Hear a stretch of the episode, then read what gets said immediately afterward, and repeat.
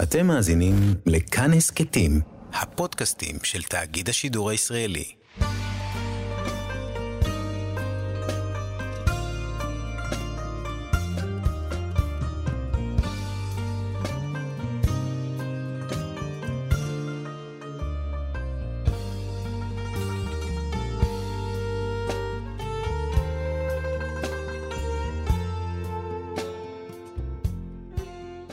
שלום כאן מורשת, חברותא לימוד משותף עם רבנים ואנשי חינוך בנושא תנ"ך, הלכה ואמונה.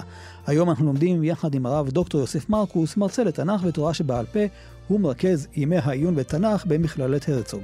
וכאן ליד המיקרופון, ידידיה תנעמי, שלום לך הרב מרקוס. שלום ידידיה.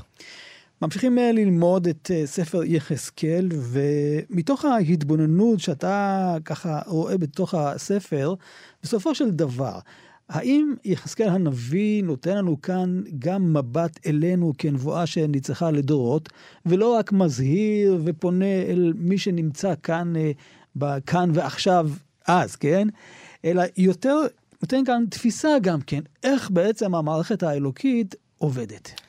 אה, נכון. אז באמת, אחד מהדברים המעניינים בספר יחזקאל, והזכרנו את זה גם אה, בפעמים קודמות, זה שבאופן ייחודי יחזקאל לא רק uh, מוכיח, uh, ולא רק uh, מנבא פורענות או מתאר את החטאים, אלא בהרבה מאוד מקרים גם מתווכח ומציג תפיסות עולם כלפי עם ישראל. עכשיו, המשפט הידוע של חז"ל, שנבואה שנצרכה לדורות נכתבה, היא נכונה ביחס לכל הנביאים, כן? גם נבואות תוכחה, אה, אפילו אם אין בהם מרכיב של אה, ויכוח או של, אה, כאמור, איזושהי תפיסת עולם מפורשת שמובעת שם, איזושהי אמירה מאוד מאוד חותכת, אלא תיאור של חטא, גם זה ודאי ניצח לדורות, וגם מזה אפשר ללמוד, ואפשר ככה לנתח את הדברים ולהבין לעומק מה העם חשב ומה הנביא רוצה לומר להם. כן, כן גם זה הזכרנו, אני חושב, בפעם הקודמת, שתמיד כשלומדים נבואה,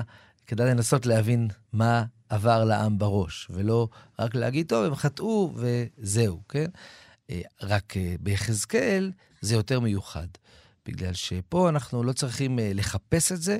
בהרבה מאוד מקרים זה ממש כתוב במפורש. הוא, הוא מרגיש לנו, לנו את זה. בדיוק, הוא אומר לנו מה העם חושב, ו, ואז הוא אומר לנו מה כנגד זה צריך לחשוב או להאמין. כלומר, הוא מדבר כאן בעיקר על מערכת של שכר ועונש? אז גם, זה בכל מיני מישורים. אה, פעם שעברה דיברנו על תפיסות של העם ביחס לקדושה, לירושלים, אה, שהם אה, מרגישים שהם בטוחים.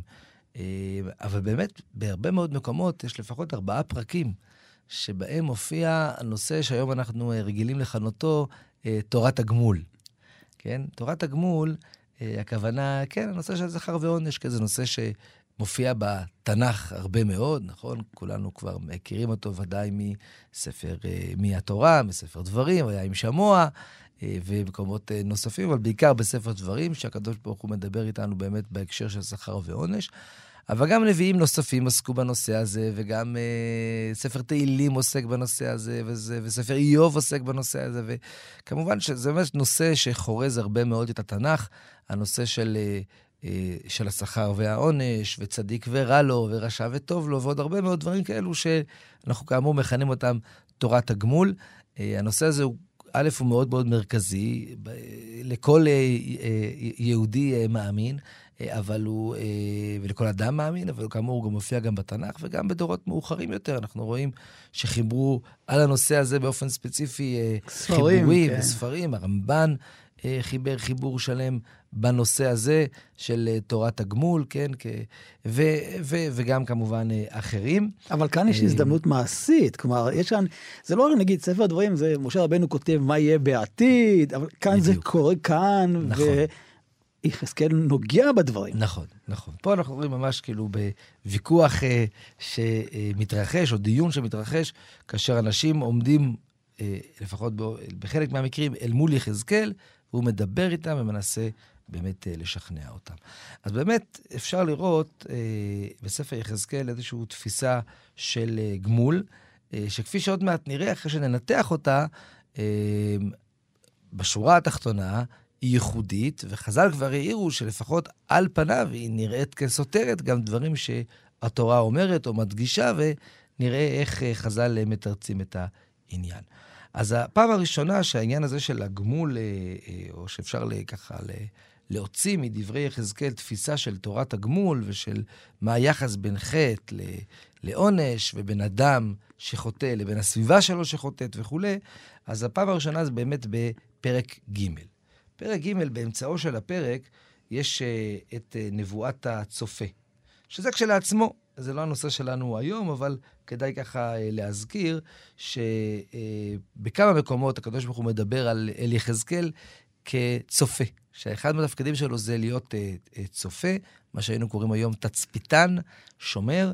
אה, כאן זה מוזכר בפרק ג' ככה בקצרה, ובפרק ל"ג זה מופיע באריכות, שם ממש כתוב מה הצופה צריך לעשות, הוא צריך לעמוד בכניסה לעיר, לצפות, לתקוע בשופר אם הוא רואה פורענות, אם הוא רואה מלחמה שמתקרבת, להזהיר את העם, ואם הוא לא הזהיר את העם, האשמה היא בו, ואם הוא הזהיר את העם, האשמה היא בם.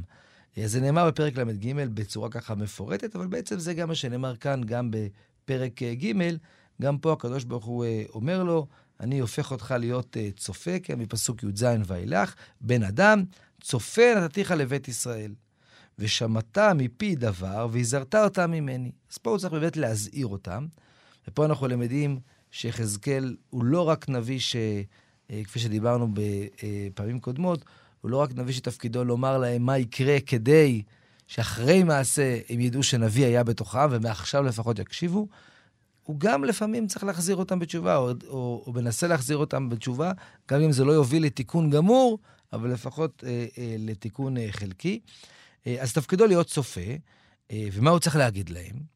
באומרי לרשע מות תמות, ולא יזרתו, ולא דיברת להזהיר רשע מדרכו, הרשעה לחייתו, הוא רשע בעוונו ימות, ודמו בידך אבקש. אז קודם כל, הקדוש ברוך הוא אומר לו, אה, אתה, אתה הנביא, ואם לא תקשיב, יש לך לא, אחריות. כן, בדיוק. אם לא תבוא ותזהיר את העם, אז אתה אשם. זאת אומרת, אין עונשים, אלא אם כן אה, מזהירים, ו, אה, ולנביא יש אחריות גדולה לבוא ולהזהיר את העם. את העם, כן. ואם הרשע לא ישוב מראשו, אז אה, אה, הוא ימות בעוונו, ואתה את נפשך הצלת. עד כאן זה לא, לא קשור לכאורה לתורת הגמול, זה יותר אה, אמירה עקרונית ש... מי שתפקידו להזהיר, בין במלחמה ממשית, בין במלחמה רוחנית, חייב לבצע את משימתו, ואם הוא לא יעשה את זה, אז הוא נכשל בעוון העם. אבל אז אומר, לו, אומר הקדוש ברוך הוא ליחזקאל בפסוק כ', ובשוב צדיק מצדקו, ועשה עוול, ונתתי מכשול לפניו, הוא ימות. כי לא יזרתו בחטאתו, כי לא יזרתו בחטאתו ימות. ולא תזכרנה צדקתו אשר עשה, ודמו מידך אבקש. פה נאמר משהו אה, כבר אה, עקרוני יותר. מוכר גם יותר. אה, נכון, שבעצם אומר, אם צדיק, היה צדיק, עשה טוב, אבל משנה את אורו, לא תזכרנה צדקתו אשר עשה. אה, כל הזכויות נמחקות. כל הזכויות נמחקות. זאת אומרת, אדם נמדד לפי הכאן והעכשיו. אז פה בפרק ג' זה נאמר ככה אה, אה, בקצרה, אבל כשאנחנו ממשיכים ב, אה, בפרקים הנוספים ביחזקאל, שהזכרתי אותם גם מקודם, פרק אה, י"ד ופרקים נוספים שעוד מעט נראה, אז אנחנו רואים אה, שהדבר הזה אה, חוזר בצורה יותר אה, אה מור, מורכבת ו, וככה מפורטת. אז אה, אה, נפתח רגע פרק י"ד, מפסוק אה, י"ב אה, ואילך. שם אה, מופיע ככה, ויהי דבר אדוני אלי לאמור, בן אדם, ארץ כי תחטא לי למעול מעל, ונתתי ידי עליה, אה, אה, ושברתי לה מטה לחם, והשלכתי בה רעב, והכרתי ממנה אדם ובהמה. טוב, זה אדם, ארץ חוטאת, אז היא נענשת. ואז יש אזכור של שלושה אנשים. והיו שלושת האנשים האלה בתוכה, נוח, דניאל ואיוב, המה בצדקתם ינצלו נפשם, נאום אדוני אלוהים. ובהמשך, שלושת האנשים האלה בתוכה חי אני נאום אדוני אלוהים, עם בנים ועם בנות יצילו, המה לבדם ינצלו, והארץ תהיה שממה. אז פה נאמר שלא אה, מדובר על אותו צדיק שחטא בסוף, אבל uh, בוחנים אותו רק כאן ועכשיו. נאמר משהו טיפה אחר, אבל עוד מעט נראה איך הדברים מתחברים וקשורים בסופו של דבר לאותה תפיסה. פה נאמר שאדם לא יכול להציל אדם אחר. אם יש עיר שחוטאת, וגם אם יש בה שלושה אנשים צדיקים, ויש פה דוגמה לנוח, אה, דניאל ואיוב, שאלה מעניינת, האם זה נוח, דניאל ואיוב המוכרים לנו אה, מ, אה, אה, מהתנ"ך, מסיפורים אחרים?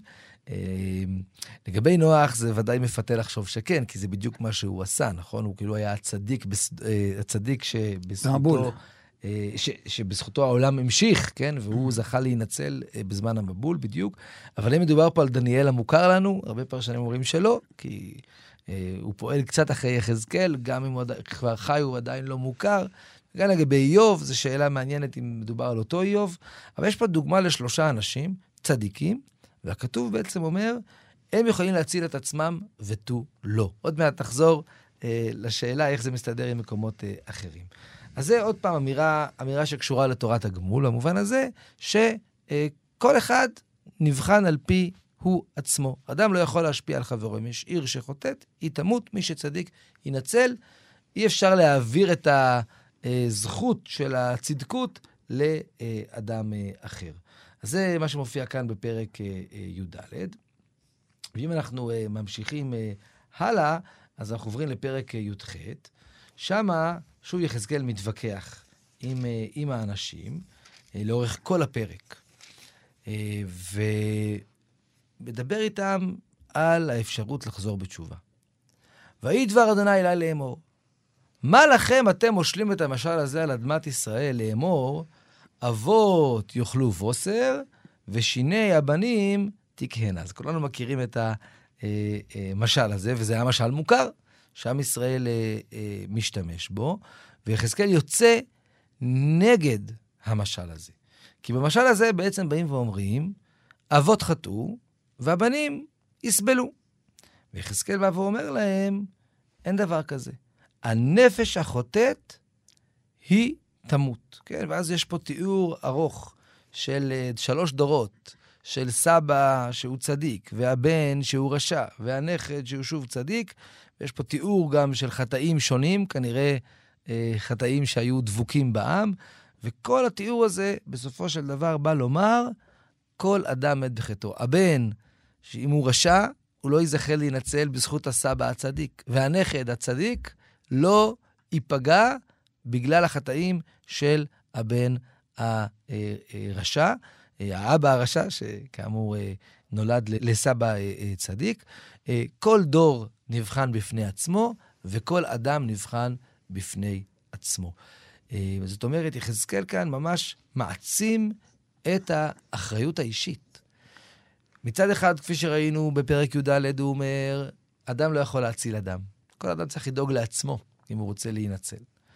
ומצד שני, הוא אומר, בתוך המשפחה, גם כן, כל אחד נבחן על פי עצמו. זה שאבא שלך היה צדיק, לא עוזר לך אם אתה רשע. וזה שאתה רשע, לא אומר שהבן שלך אה, יסבול אה, בהמשך. והדבר הזה חוזר בפעם הרביעית בפרק ל"ג. נקרא שם את הדברים, ואז ככה ננסה לסכם ולראות אה, מה בעצם יש אה, לפנינו. כן, אז גם בפרק אה, אה ל"ג, שם עוד פעם יש נבואת צופה, כפי, כפי שראינו גם בפרק אה, ג', שוב, הקדוש ברוך הוא מדבר אל יחזקאל ואומר לו, התפקיד שלך להיות צופה, להזהיר את העם, ושוב הוא אומר לו שאם לא תזהיר אז אתה אה, זה שתסבול. אה, וגם שם הקדוש ברוך הוא אומר להם, אני רוצה שתחזרו בתשובה. מי שהיה רשע כל ימיו, ובסוף, ברגע האחרון חזר בתשובה, הוא יינצל. ומי שהיה צדיק כל ימיו, ובסוף חייו הפך להיות רשע, אז הוא ייענש. כן, אותו, אותו מסר אותו חוזר גם פה. אז אם ככה אנחנו מסכמים, אנחנו רואים פה בעצם. שלושה עקרונות שמלמד אותנו יחזקאל בנב... בנבואות אה, שככה עברנו עליהן מלמעלה. אחד, צדיק שהפך לרשע, איבד את זכויותיו, אה, ולהפך, כן? רשע שהפך לצדיק, מסתכלים רק על הצדקות שלו. שתיים, בן לא נענש בחטאי אביו, אבל גם להפך, בן לא זוכה אה, בזכות הצדקות של אביו. ודבר שלישי, צדיק לא יכול להציל את הרשע על ידי זכויותיו. וגם כנראה להפך, הרשע לא יכול לפגוע בצדיק על ידי אה, זכויותיו. ובוא נוסיף עוד את העיקרון הנוסף, שיש כאן אחריות של הנביא. כן, וכחלק מהדבר הזה זה גם האחריות של הנביא. עכשיו, בסוף אנחנו ככה אה, לוקחים את שלושת העקרונות הללו, ואנחנו אומרים, אומרים לעצמנו, אז מה, מה בעצם עולה מהם? עולה מהם באופן מאוד מאוד מאוד חזק האחריות האישית. כל אדם אחראי לגורלו. עכשיו, אה, למה זה כל כך חשוב ליחזקאל לומר את זה? אה, בהמשך נדבר על איך זה מסתדר עם מקומות אחרים. אבל אם אנחנו שואלים, רגע, למה יחזקאל ככה מדגיש את זה, מה זה קשור בכלל? אז בעיקר אנחנו מוצאים את החשיבות של העניין, או את הפתח לתשובה בפרק י"ח, ששם הוא מתווכח עם העם. כפי שראינו, שהוא. מתווכח עם המשל שלהם. ומסתבר שהעם בגלות מיואש. והוא אומר, אבל אנחנו ואבותינו חטאנו. אבל בואו נדגיש את אבותינו חטאו. אין לנו סיכוי. אין לנו כבר אפשרות לחזור. אה, אולי אנשי ירושלים צודקים, השם רחק מעלינו. זה הסימן, זה ההוכחה. ויחזקאל צריך לשכנע אותם... ולחזק אותם גם. שיש אפשרות לתקן, שיש אפשרות לחזור בתשובה. וזה שבדור הקודם חט... חטאו, זה לא אומר שבדור הבא אי אפשר לחזור בתשובה. וזה שהאדם חטא בצעירותו, זה לא אומר שהוא לא יכול לחזור בתשובה בזקנותו. הוא גם אומר את ההפך, כי זה בסופו של דבר סימטרי. ושוב, איפה זה אל מול פסוקים אחרים בתנ"ך, נדבר עוד מעט. אבל אה, הסימטריה הזאת היא, היא נצרכת פשוט כדי לתאר פה תורה שלמה. אבל בסופו של דבר, הדבר העיקרי שמניע את יחזקאל בכל העיסוק הזה פה בתורת הגמול, זה לשכנע את העם שיושב בגלות שיש סיכוי לתקן, יש אפשרות לחזור בתשובה. חברותה עם ידידיה תנעמי חברותה כאן אה, במורשת יחד עם הרב דוקטור יוסף אה, מרקוס.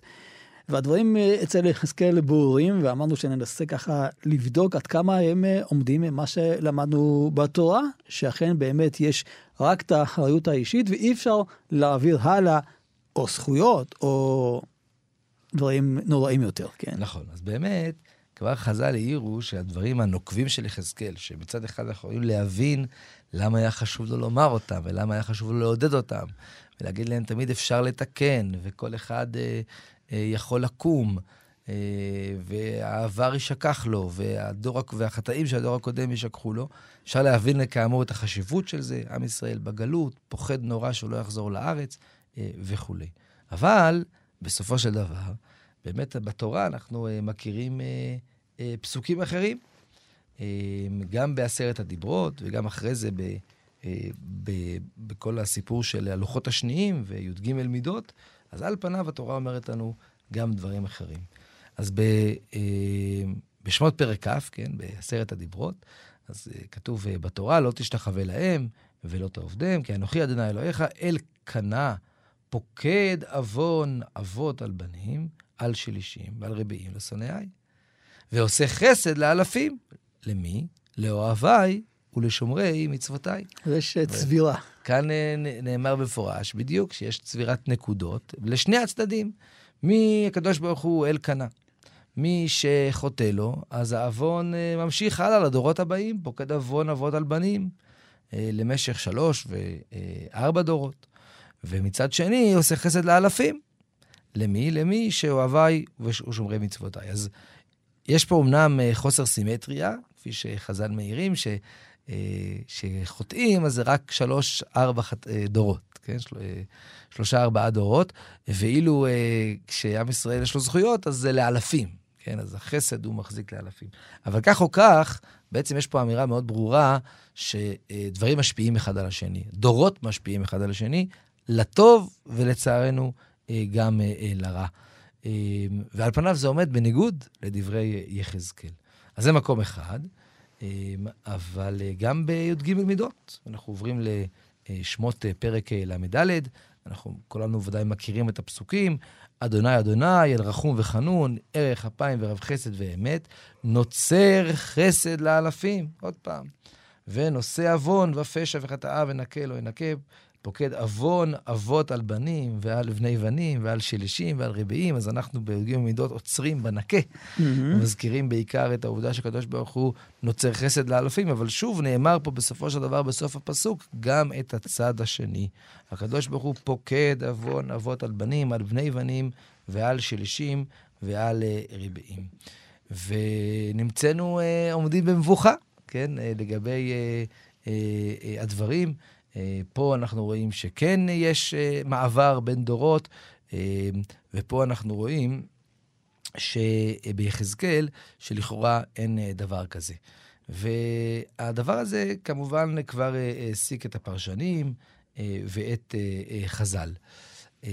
אז נתחיל אולי עם התירוץ הפשוט יותר, נקרא לזה ככה, וזה מופיע בגמרא בברכות, בדף ז'. הגמרא שם בעצם מקשה בתוך התורה עצמה. היא אומרת, לא רק שבין דבר, דברי התורה לבין דברי יחזקאל יש לכאורה סתירה, אלא בתוך דברי התורה עצמה. כי מצד אחד למדנו פה בספר שמות, פוקד עוון אבות על בנים. מצד שני, כתוב בדברים כ"ד, ובנים לא יומתו על אבות. אה, אז יש פה סתירה. עכשיו, באופן פשוט, אפשר היה להגיד אה, שזה לא קשור אחד לשני, בגלל שבספר דברים זה ציווי של הקדוש ברוך הוא כלפי העם. בית דין או מלך לא יעניש בנים בעוון אבותם, וכן להפך, כן? אה, ציווי שאנחנו אה, לא תמיד קוים. אנחנו יודעים שבתקופת המקרא, גם, ודאי מחוץ לעם ישראל, אבל גם בתוך עם ישראל, הרבה פעמים, כשמלך עלה לשלטון, אז הוא הרג את... אה, הבנים של, אה, ואת הזרע של, של המלך הקודם. אה, ובהרבה פעמים זה היה מקרים של מרידות, שניסו לדכא מרידות, כן? והכתוב מדגיש באופן מיוחד אצל המציעה, שהוא קיים את דברי התורה. והוא לא הרג באמת את בני המכים שהכו את אביו, כי כתוב בתורה לא יומתו אבות על בנים, כן? בסוגריים נעיר, שההערה מאוד חשובה של הרמב"ן, אה, על התורה שם בספר דברים. אה, הרמב"ן מעיר שהגמרא במסכת סנהדרין לומדת אה, שמשמעות הפסוק, בנים לא יומתו על אבות ואבות לא יומתו על בנים, שזה מתייחס לעדות. זאת אומרת, כן. בנים לא יומתו על אבות, הכוונה שהם לא יכולים להעיד כנגד. כנגד קרובי משפחתם. אז אומר הרמב"ן, טוב, אז זה הדרש של חז"ל. האם זה מבטל את, אה, במרכאות, את פשט הפסוק, שהכוונה לא להעניש? אה, אומר הרמב"ן, לא. איך אני יודע שלא? כי כתוב במפורש על המציעה. כתוב במפורש אומר לנו שהמציע קיים את צו התורה ולא הרג את הבנים, כי כתוב, בנים לא יומתו על אבות. אז אומר הרמב"ן, שבאמת אה, דרשות, דרשות חז"ל בהרבה מקרים לא באים לבטל את אה, פשט הפסוקים, אלא... יש להם מגמה נוספת. שני, שניהם אמת, כן. כן, שניהם אמת, כדברי הרמב"ן. הכתוב יסבול את שני הדברים, יסבול במובן החיובי של המילה.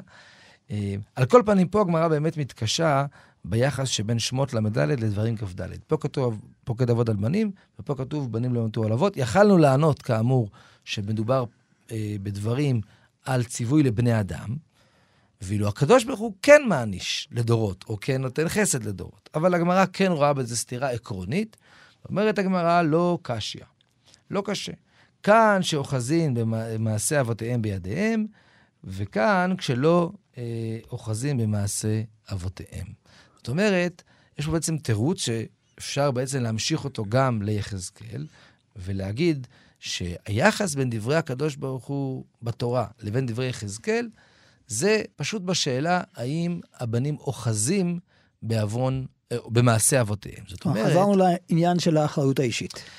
נכון. זאת אומרת, מה שהתורה באה להגיד, זה שאם הילדים ממשיכים את עוון אבותיהם, אז יש פה הצטברות. אז הם נענשים לא רק על מעשיהם, אלא גם מעשי אבותיהם.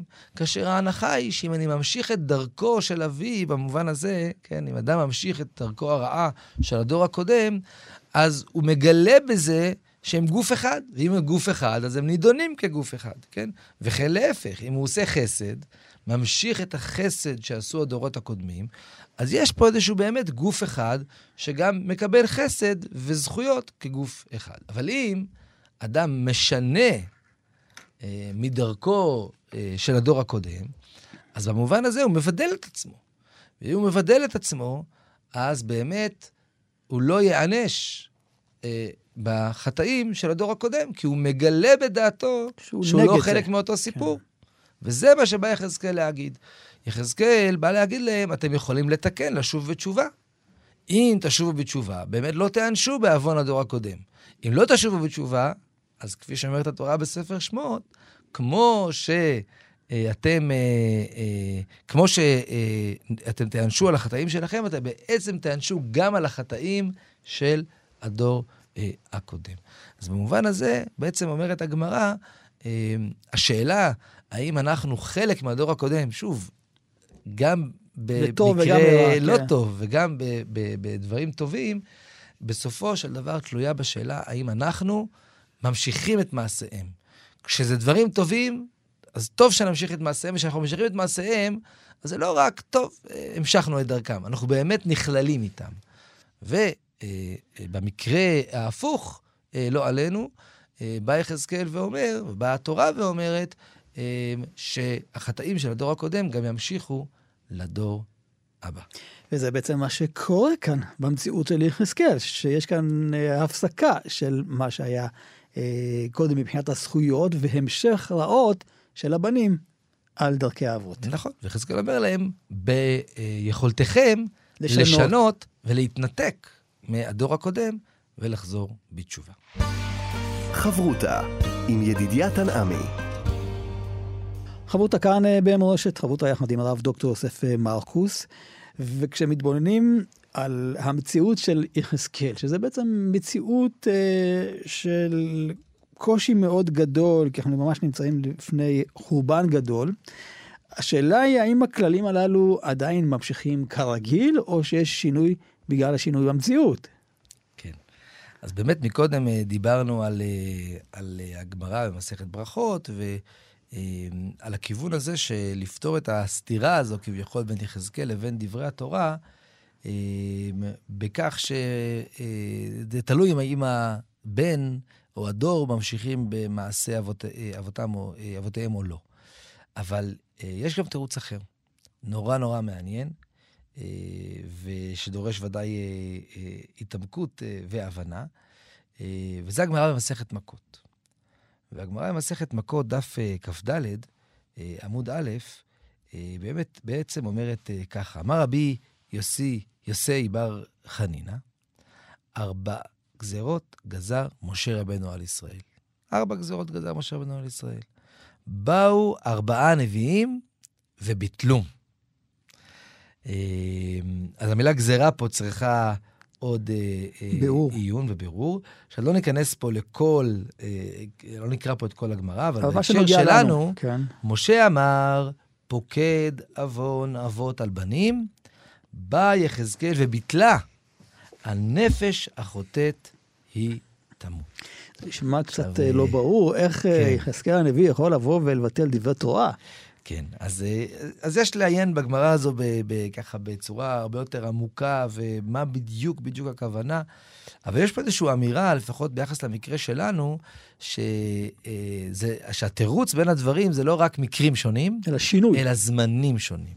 או שינוי, בדיוק. זאת אומרת, בזמנו של משה רבנו, בזמן שמשה רבנו דיבר אל התורה, אולי נאמר, בארץ ישראל בעצם, ששם עיקר דברי התורה בראש ובראשונה נאמרו כלפי עם ישראל שיושב בארץ, ההנהגה האלוקית הייתה אה, פוקד עוון הבנים. אבל כאשר יחזקאל בא, הוא גוזר, הוא כביכול הוא מבטל את הגזרה הזו של משה, ומשנה, אה, אה, כביכול קובע לקדוש ברוך הוא איך, אה, איך אה, לפעול, ומשנה את, אה, את אה, אותה אה, הנהגה אלוקית. עכשיו, שוב, הדבר הזה כמובן דורש עיון, ומה זה אומר, ואיך אפשר לבטל דברי תורה, האם מדובר פה על הוראת שעה כביכול, כמו שאנחנו מוצאים בהלכה, שיש אפשרות כן. לבטל מצווה בהוראת שעה. פה אנחנו לא מדברים על מצווה, פה אנחנו מדברים על הנהגה אלוקית. אז מה בעצם המשמעות של, של הדבר הזה? עסקו בזה רבות, ואני רוצה ככה לדבר בעיקר על כיוון אחד, והוא שיכול להיות שבאמת אנחנו חוזים פה אצל יחזקאל, בדברים שלו, לפחות איך שהגמרא מציגה את זה, את, את מידת הרחמים. זאת אומרת, כל אדם ישראל בארץ ישראל, כל עוד הקדוש ברוך הוא איתם, וגם כשהם חוטאים, והם נענשים, אבל המסגרת נשמרת. אין סכנה להתמוטטות של הבית, אין סכנה שעם ישראל יגלה ומעל שולחנו של אביו, אז יש יותר דין, במובן הזה שאדם אחראי לא רק למעשיו, אלא אחראי גם לסביבתו, כן, אחראי גם השפעה. לדור הבא. והנקודה הזו מודגשת, יש בזה היגיון אה, אלוקי, יש בזה היגיון מוסרי. אה, אדם לא יכול להיות מנותק באמת מהסביבה שלו. וזה בכללים הרגילים, זה כאשר הקשר בין ישראל לקדוש ברוך הוא כביכול לא עומד בכלל למבחן. הוא ברור מאליו, עם ישראל נמצא בארץ, וגם כאמור שהוא נענש, אז אין גשם, כן? אבל... אה, אה, אבל, אבל כשיחזרו בתשובה, אה, יהיה, יחזור הגשם, ויכול להיות שזה ייקח קצת זמן, בגלל שיש חטא של אבות וחטא של בנים. אבל יחזקאל מדבר אל העם אחרי שהם גלו. שלפחות מבחינתם של העם, הרי שהשאלה, האם הקדוש ברוך הוא איתנו? האם באמת הקשר שלנו עם הקדוש ברוך הוא, הוא יציב? האם אנחנו יכולים לשקם אותו? זו שאלה אמיתית, ודאי מבחינתם. כן. אתה, יחזקאל, בעצמך תיארת שהקדוש ברוך הוא עזב את ירושלים, שהקדוש ברוך הוא עלה, המרכבה שלו עלתה השמיימה, אולי עם מקדש מעט, אתה מנחם אותנו. אבל זה לא, הקשר כבר לא בטוח, זה לא שיש מסגרת בטוחה שבתוכה אנחנו מתנהלים. כן, זה הרבה פעמים, יש אמון, אפשר להעניש, כן? אה, אם אין אמון, אי אפשר להעניש. אז הכללים ש... אחרים כבר. בדיוק, כן, זאת אומרת שבתוך אה, מסגרות מסוימות, כן, אה, אז אם יש, לכולם ברור שכולם רוצים בטובת אחד השני, אז דווקא אז באיזשהו מקום, העונש יכול לבוא בגלל שהעונש מטרתו לחנך, ו, אבל כשאין אמון, כשאין ביטחון בכלל בקשר, אז לפעמים המחשבה על זה שלא רק שהחטאים שלי ישפיעו עליי, אלא החטאים גם של אחרים ישפיעו עליי, המחשבה הזו יכולה להיות הרסנית. עכשיו, בסוף אנחנו אה, מסתכלים על תורת התשובה בדורנו. אה, כל אחד יודע שהיא שונה מתורת תשובה בדורות קודמים. אה, בואו ניקח אה, לדוגמה, אה, לא רק בדורנו ממש, אבל גם בדורנו. בואו ניקח לדוגמה את כל העניין של הצומות והתעניות. אנחנו יודעים שבמשך מאות שנים בעם ישראל, אה, זה התחיל ככה אצל חסידי אשכנז בעיקר, אבל זה התפתח שם למקומות נוספים, כחלק מתהליך תשובה. לא בעשרת ימי תשובה דווקא, גם, אבל בכלל, אדם חטא חטא, היה הולך לרב, אומר לו, תצום, כך וכך תעניות, תכפר על כך וכך חטאים. זה היה חלק מרכזי, ממש, מעולם התשובה. והנה הגיע, הגיע בעל שם טוב, אה, לדוגמה, אבל גם הגר"א בבית מדרשו, ואמרו, זהו. מצד אחד הם תרצו את זה בכך שדורנו דור חלש, וחולשה ירדה לעולם, אה, ולכן צריך אה, להתנהל באופן אחר. ומצד שני הם גם אמרו, לא, יש דרכים אחרות לחזור בתשובה. זאת אומרת, פה זה לא מתח בין דברי תורה לדברי כן. אבל הדבר הזה ש... עכשיו, האם הם אומרים שמה שהיה בעבר היה טעות? אני לא חושב שצריך להסתכל על לא, זה ככה. לא, השתנה הדור. אלא יש הנהגות שונות, הדור השתנה, הקדוש ברוך הוא מתגלה לפעמים בצורות שונות, ויש את הצדיקים ואת הנביאים וגם את הרבנים שיכולים לבוא ולהגיד, לדור הזה, לאופי שלו, יש משהו אחר יש מתאים. יש משהו אחר שמתאים. כן, הרב קוק דיבר על זה הרבה גם בהקשר של ארץ ישראל ובדורנו, והזכרנו עונשים. אה, אז אה, על האופן שבו מחנכים, אנחנו מכירים גם את זה, ודאי שבעבר החינוך היה הרבה יותר אה, נוקשה, גם ברמת הדיבור, כן, וגם ההבדל... ברמת ה... פיזי, כן? Mm-hmm. אתה אומר ש... אני אומר, ההבדל, ראינו אצל משה רבנו אפילו, שיש הבדל בין דור המדבר לדור הנכנס לארץ, נכון. שאי אפשר להכות כבר בדיוק, בסלע. בדיוק, כן. נכון. זאת אומרת ש, שיש דבר כזה שלפי הלך הדור, לפי הלך התקופה, או לפי הקשר ספציפי, אה, מה שמתאים כרגע לעם לשמוע זה, אה, אה, אה, זה משהו אחר. אה, לא בגלל ש... כי אנחנו מסלפים בשביל למצוא חן ביניהם. אין כאן ויתור. אלא יש פה באמת משהו, משהו אמיתי. כן, אני אזכיר אולי דוגמה, אה, אה, בהקשר הזה קשה וכואבת, אבל אה, הרבי מלובביץ', היה לו הרבה שיחות אחרי, אחרי השואה, אה, כנגד אה, כמה רבנים או הוגי דעות שבאו ואמרו, היה חטא ולכן הייתה שואה. והוא אמר, להגיד את זה לאנשים שניצלו שם, שכל הדבר הזה קרה כחטא, זה מעבר לזה שזה הרסני, במובן הזה שהם לא יחזרו, כן? אה, ו- ואיך אפשר יהיה לשקם אותם, גם באופן אמיתי, זה לא, זה לא אמת, כן? Mm-hmm. אנחנו מכירים אה, שכר ועונש, אז יש הנהגות שונות. יש הנהגות אה, כאלו ויש הנהגות אחרות, והקדוש ברוך הוא מתנהל בעולם בהנהגות שונות, וזה בעצם מה שהגמרא כאן מחדשת לנו. לפחות בדור הגלות, אחרי שעם ישראל גלה, אחרי שהקשר עם הקדוש ברוך הוא כבר לא היה בטוח וכבר לא היה ברור ומובן מאליו, מה שיחזקאל משמיע על העם זה בעיקר תקווה, והתקווה הזו כוללת את האפשרות לפתוח באמת דף חדש.